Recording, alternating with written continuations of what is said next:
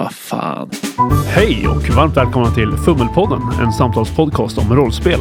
Det här är 23 avsnittet och vi tänkte prata om det här med immersion. Hur uppnår man inlevelse i storyn kontra sin rollperson? Vilka verktyg kan man använda för att höja stämningen? Och vilken inverkan har regelsystem? Då rullar vi igång. Jag heter Lukas. Jag heter Edvard. Jag heter David. Senaste avsnittet avslutar vi med att prata om val utifrån rollpersoner eller metasaker och inlevelse.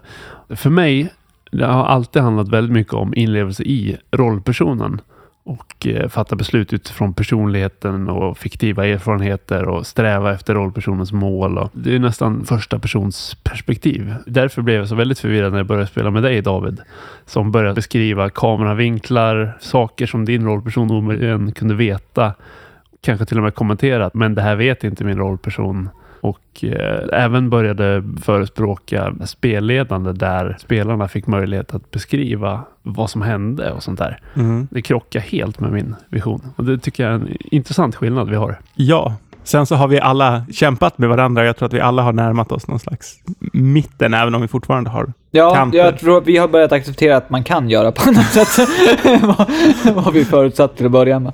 Och det är lite tillbaka till förra avsnittet då. Om spelet tillåter sådana val är inte det negativt. Nej, jag tycker inte det. Alltså, jag har så svårt att faktiskt bara tänka på min egen karaktär. Jag vill sätta in den i ett sammanhang i spelvärlden.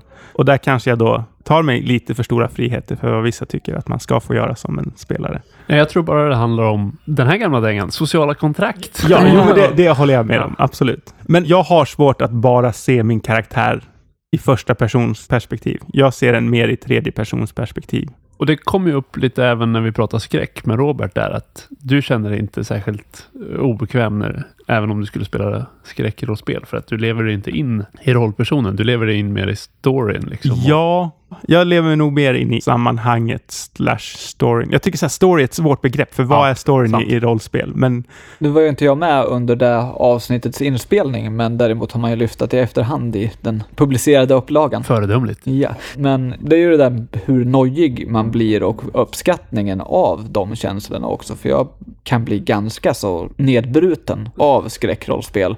Men när man spelar skräckrollspel är det på sätt och vis där man eftersträvar. Ja, precis. Och det var ju det det vi scenariot. konstaterade lite grann, att det är därför du inte är sugen på skräck, för att du fattar inte poängen. nej, nej, precis. Jag kan förstå varför andra har den upplevelsen och den poängen, men jag delar inte den upplevelsen. Men samtidigt, vi har ju spelat en del saker som har ändå inslag av skräck och jag kan gilla att få regissera min karaktär i den tillvaron. Jo, men det är väl det som är den stora skillnaden. Vi nämnde det i förra avsnittet också, just skillnaden i stance som är mer rollspelsteoretiskt etablerat mellan skådespelarperspektivet eller infallsvinkeln eller regissörs infallsvinkeln. Och jag tycker som sagt det är spännande för på sätt och vis gör de rollspel till två helt olika aktiviteter beroende på vilken typ av stance du har. Om man ska dra saker till sin spets. För Ja. en regissör gör ju inte samma sak som en skådespelare i en filminspelning. Och på sätt och vis kan det vara lika stor skillnad på två typer av spelare känner jag. Jo, men absolut. Jag känner ju, eller har känt längre tillbaka, att någon som strävar efter känslomässig immersion, där man är sin karaktär, lämpar sig med karaktärer som blir extravaganta på det sättet. Och folk som inte tycker att det är lika relevant blir ofta mera barska krigare och saker som inte bär sina känslor på ärmen. Det jag undrar nu är hur mycket fel man har haft i det just ur att det finns ett sätt att spela emotionella karaktärer utan att spela ut det. Ja, för jag måste säga, jag tycker ändå att jag har spelat ganska emotionella Ja, karaktärer som Det, har... men det är därför jag börjar rycka tillbaka lite. För skillnaden där, det har vi pratat om någon gång tidigare och jag tycker att det är en bra illustration av vad som pågår bakom kulisserna. om jag Ska säga. Du David beskriver ju mycket hur du känner eller hur din rollperson tänker. Medan du Edvard spelar mer ut vad eh, rollpersonen gör och hur den gör det genom gestaltning. Och det påverkar ju också vilken typ av inlevelse man har men även hur man uppfattar det. För i ditt fall blir det ju jättetydligt. Din rollperson är ledsen eller tillbakadragen. Medan i Edvards fall så gäller det att man tolkar och utläser det. Och man skulle kunna argumentera för att på sätt och vis det kanske inte är tydligt för mig att din rollperson David är tillbakadragen. Så när du säger till mig som spelare att min rollperson är tillbakadragen, då får jag information som min rollperson inte nödvändigtvis har. Nej. Så som inlevelsespelare kan jag uppskatta Edvards variant om den är tillräckligt tydlig eftersom jag då får lite mer subtil information som min rollperson också får utläsa. Extremt överdrivet exempel. Om vi möter skurken och sen beskriver du så här. Det här är skurken, men det vet du inte. Och I Edvards fall skulle han då liksom, ja, precis, här, slänga någon så slug blick och göra något suspekt eh, som var lite diskret. Jag förstår att det är en eh, extremt överdrivet. Men, så, så, jag, skulle nog aldrig lägga upp ett så här, här är skurken, fast ni vet inte att han är nej, skurken nej, precis. men, men det är ju just det här med metainformation Ja. och eh, hur rakt ut man säger någonting. Ja. Samtidigt så efter att jag började spela med det idag kan jag uppskatta mer för att man får fram massa nyanser som man missar annars. Om man inte beskriver eller pekar tydligt på, titta här på vad som händer med min rollperson just nu. För att annars, särskilt när man spelar med nya människor, då kanske man sitter ett helt möte och så tycker man vad tyst den där personen var. Var- Hade den inget roligt eller? Var den arg på mig eller vad var det som Ja. hände? Och då, om man bara spelar sin rollperson, så kan det feltolkas och så vidare. Jag tror också att Davids spelstil kanske till och med är mera uppmuntrad till interaktion. För att min spelstil kommer vara folk som är bekväma i att spela på samma sätt som mig. Att vilja ha den dialogen med min emotionella karaktär. Folk som, "Ja, okej, jag vill inte spela ut på det här sättet, kommer att undvika att spela mot min karaktär och ha de dialogerna. Medan jag kan ju fortfarande vara emotionell och driva min karaktär när jag har fått information från David om hur han har betett sig.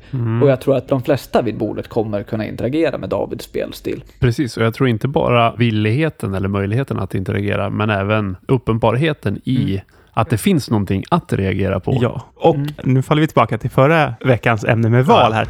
Men jag tycker också att det är bra att om jag säger att min karaktär är uppenbart jätteledsen och helt förkrossad av det som har hänt. Så kan Edvard känna sig, ja, fast det märker inte min karaktär. Och ta det beslutet att jag, jag är blind för de här Mm. känslorna. Men det är ju metainformation då. Det är det, men man spelar ändå på karaktären. Ja, och man har då nämnt att jag har plockat upp det som spelare för att då har man erkänt Davids val på ett annat sätt. Tystnaden då min karaktär då inte säger någonting. Karaktärerna interagerar inte, men spelarna interagerar med varandra på Ja. ett sätt. Fast det kanske bryter immersionen, jag vet inte. Men För mig bryter det immersionen. Jag ser jättemånga fördelar med det. Ja. Men bara rent subjektivt upplevelsemässigt så måste jag hoppa ur rollpersonen, tänka, okej, då vet jag den här informationen. Det är det jag menar med det här överdrivna exemplet på om du säger att det här är skurken, men det vet ni inte. Om jag som spelare i min rollperson då listar ut att det här kanske är skurken, har jag redan fått den informationen? Det blir jättepersonlighetsklyft. Hur ska Ja. jag agera på det här? Jag har ju fått metainformationen. Fuskar jag om jag listar ut den? Är det jag som har listat ut den som rollpersonen eller har jag fått den och metaspelar för att ge mig själv fördelar? Det, Oj, vad spännande. Nu slänger vi fram den här slagdängan igen. Men sociala kontraktet. Ja. Om jag som spelledare skulle slänga ut den. Det här är skurken, men det vet ni inte. Och du då som spelare säger, fast jag har ju listat ut det och jag tror det. Då skulle man ju vara tvungen att acceptera det. För att, Ja, ja, precis. Men även för mig själv, har jag verkligen listat ut det här? Eller? jag, jag, förstår, jag förstår det. Absolut. Och det är ju en balansgång, jag håller med. För man kan inte sitta och säga allting som dyker upp i ens karaktär. Även om jag delar kanske mycket, så är det ju inte så att jag sitter och säger det hela tiden och allt min karaktär tänker och känner och gör. Utan mycket hamnar ju även inombords. Sen får man ju tänka på att jag och Edvard kommer från en hyfsat stark live-bakgrund. Där är det ju direkt dåligt att säga så här. Du ser på mig att jag är ledsen. What? Eller så spelar man en väldigt skum karaktär. Ja, men det, och det, i det här fallet vet man ju inte det heller. Så. Jag satt och tänkte på immersion då vi har planerat ämnet och då är det ett livesammanhang där jag möter en person som spelar en karaktär och jag irriterar mig så sjukt mycket på mannerismer personer i fråga har. Då sista dagen när det tar slut och mannerismerna faller bort. Insikten okej, det där var en del av hans karaktär då. Mm. Inte en del av honom som person som spelare. För där har man ju distanseringen. För rollspel så måste du ju beskriva en handling. Vissa saker, man bryter och pratar utanför rollspelet ibland i alla fall. Ja. Men lajvar så, och det blir tillräckligt preto-lajvande, så går det ju aldrig ur karaktären på det sättet. Då. Så att jag, jag var redo på att vara förbannad på den här personen över att han liksom betedde sig så mot andra personer.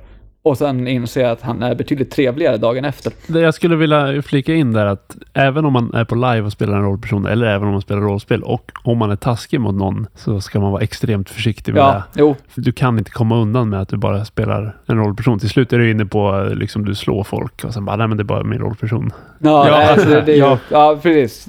Det är vissa som kallar det så här Nürnbergförsvaret för rollspelare. Nej, det var min karaktär skulle jag ha gjort. Mm. När man gör skitiga grejer. Så. Ja, nej men det håller inte. Jo, mobbning är ju fortfarande mobbning. Ja, exakt. Och gliringar om, vad vet jag, folks utseenden eller vad som helst. Det går inte att skilja rent emotionellt i alla lägen på rollperson och, och person.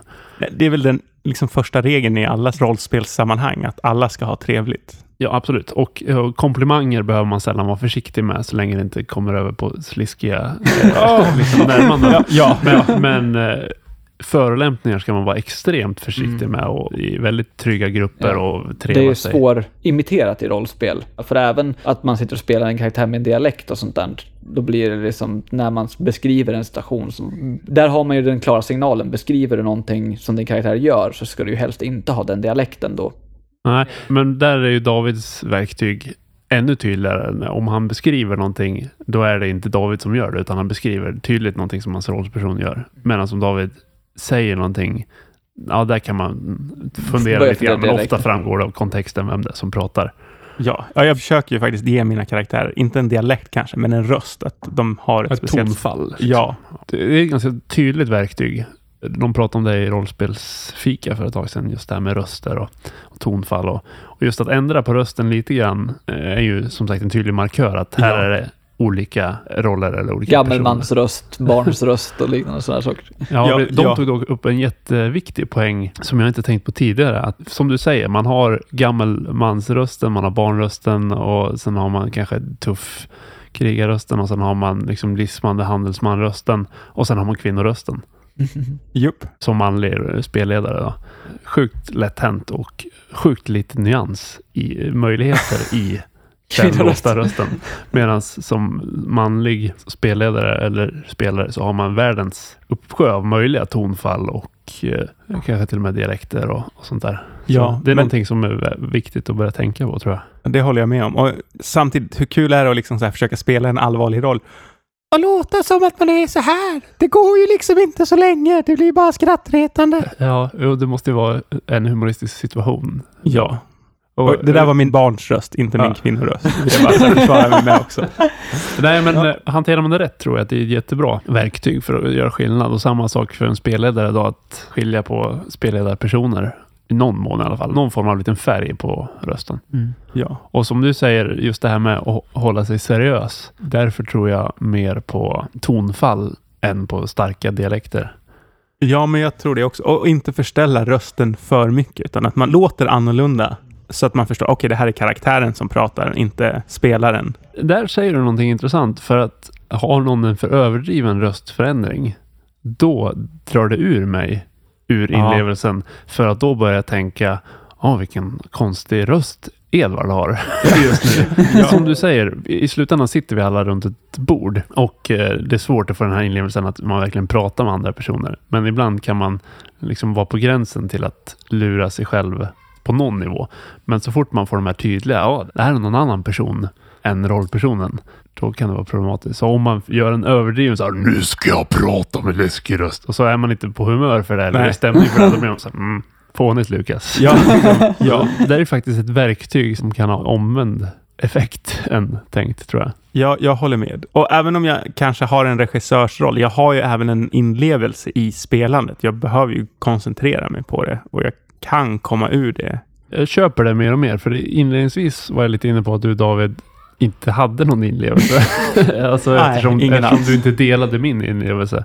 Trångsynt och enkelspårigt såklart. Men jag börjar mer förstå ditt perspektiv med, om vi inte ska kalla det story, så inlevelse i handlingen eller händelseförloppet eller aktiviteten eller det är någon form av inlevelse. Det är väl snarare att jag försöker sitta och analysera min karaktär och försöka förstå dens val och dens känslor än att jag försöker uppleva dem. Jag har inte regisserat film, men jag kan tänka mig att man har inlevelse där också i scenerna eller liksom För försöker. därför kan man ju förmedla på ett annat sätt. För jag känner ju att David på något sätt försöker ge oss en uppfattning Ja. av hur han ser sin värld. Och det är ju just regissörsrollen. På något sätt så tänker inte jag på vad jag projicerar på samma sätt. Jag spelar ut karaktären och då blir det lite upp till övriga gruppen hur de uppfattar det. Kanske handlar det om kontroll. Ni lämnar det fritt till andra att tolka era karaktärer medan jag så här, så här ska ni tolka min karaktär nu. Ja, jag tror bara helt enkelt att det är olika perspektiv. För att jag är mer inne på ditt spår redan att enda gången jag tänker på hur min rollperson ska förmedlas är när min rollperson tänker på hur hen vill förmedla sig själv. Sig själv, ja. För så kan man göra i verkliga livet också. När man ska in på en arbetsintervju så är man så här, jag vill framstå som kompetent och lugn och trevlig.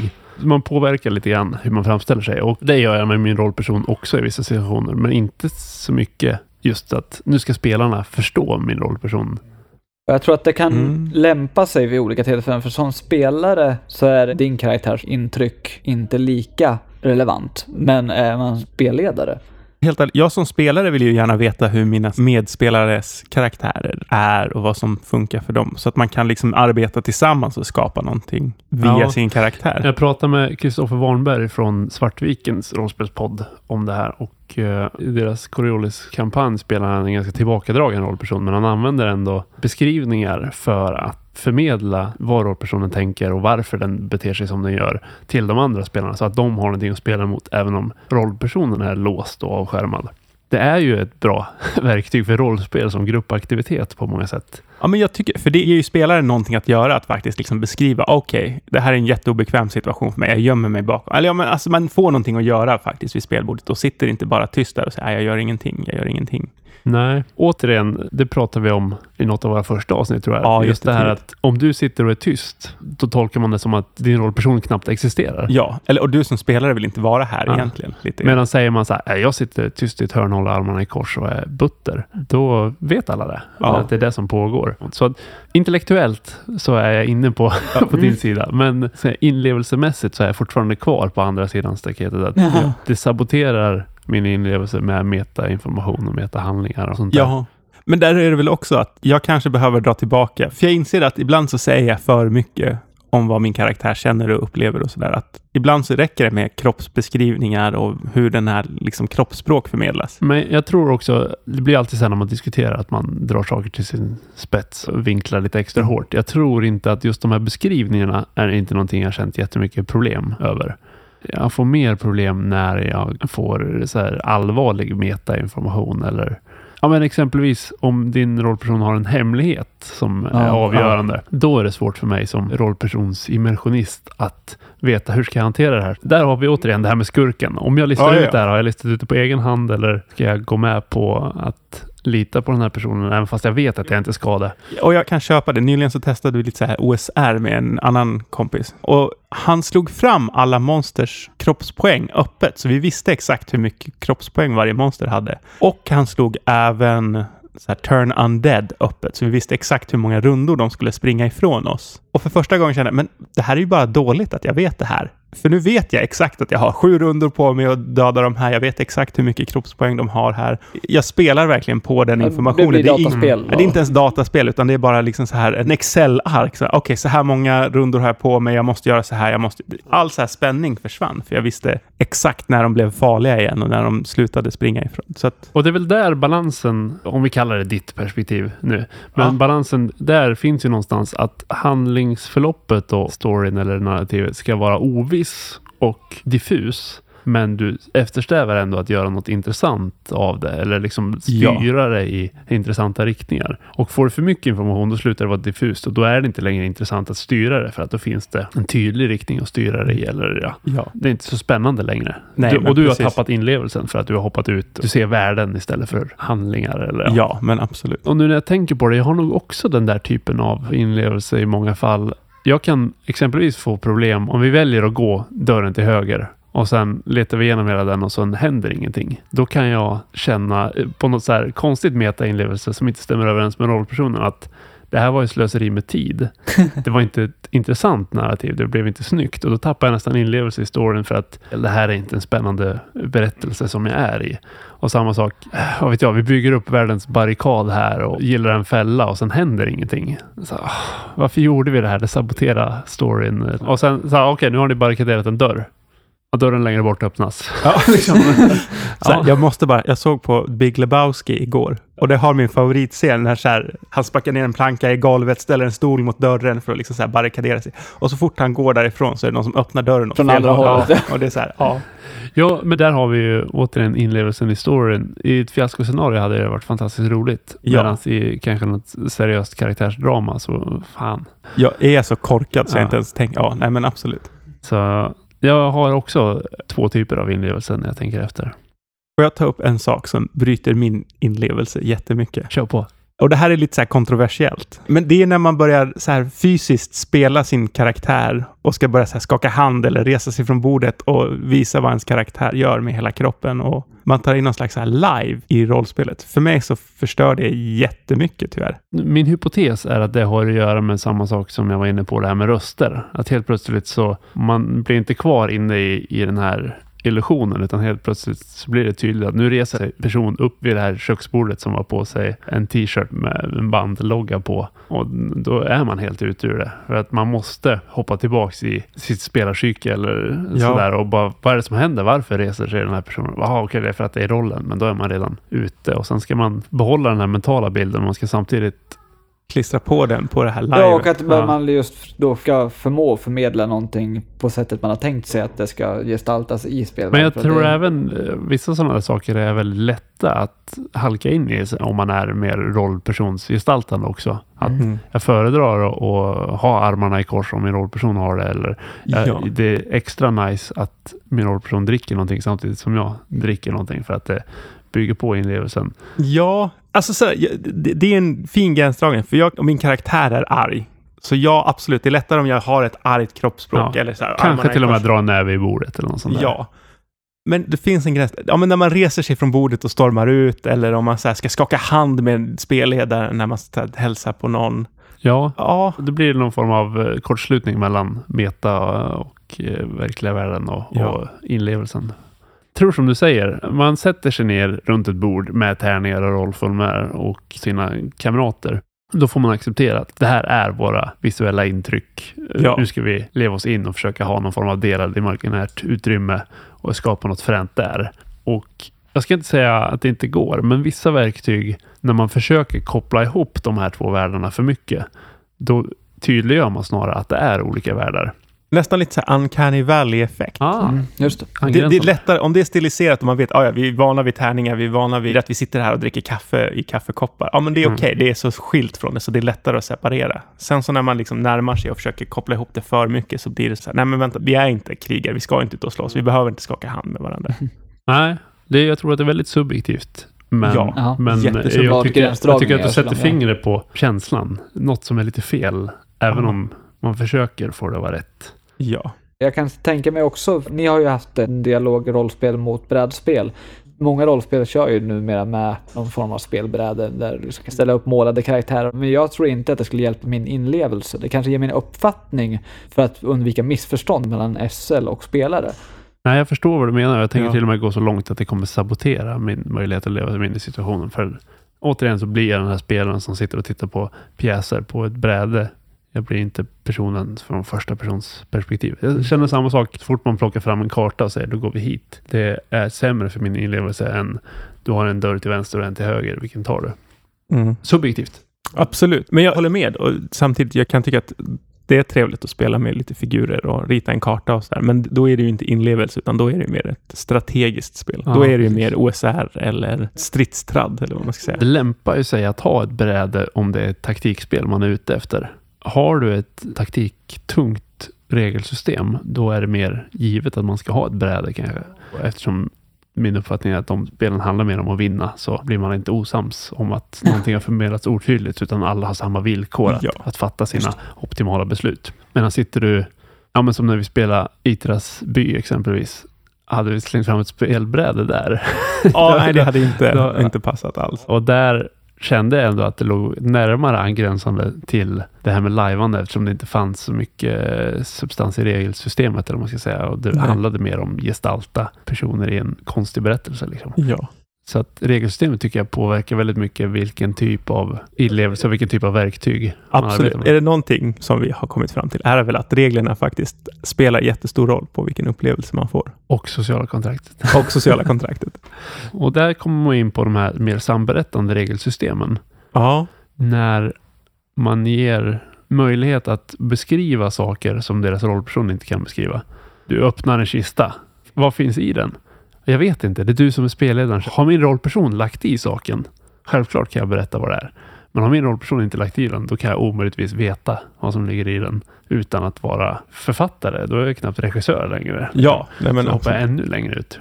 Just den här samberättande. Jag vill inte säga att det är omöjligt att få inlevelse, för det är det nog inte. Men det krävs en helt annan syn på det för att det ska fungera med inlevelse och samberättande. Ja, jag har inte den flexibiliteten i dagsläget. Nej.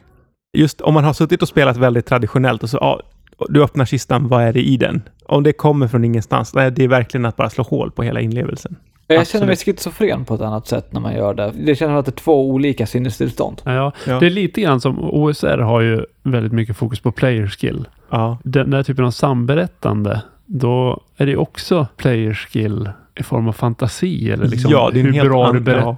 Du har ett helt annat syfte med din skill som spelare. Men det är fortfarande där det handlar om. Jag har en fråga där. Mm. Nu så här faller jag tillbaka till Itras by. För där kan man ju ha så här förmåga, ja du har alltid en grej som är passande för situationen på dig. Just det. Var det en, en karaktär som hade. Hur känner du inför det? Är det lika så här immersionsbrytande för dig att du bara, ja men just det, nu är det farligt här. Ja men jag behöver ha ett så här pansarparaply här. Så att jag har ett pansarparaply. Det är inte lika bra som att ha en lista med pansarparaply, solfjäder. Då är det tydligt att jag vet vad jag har, alltså kan jag plocka fram det. Det är inte lika farligt som beskriv vad eh, personen där borta plockar fram ur sin rock. Ja, just det. Ja. Nej. Skillnaden med att få hitta på det här föremålet som man har med sig är ju att man kan på något sätt leva sig in i vad som vore rimligt för den rollpersonen att ha. Ja. Och då kan man köra någon slags flashback för sig själv. när man, där, det här är bra, jag packar med den.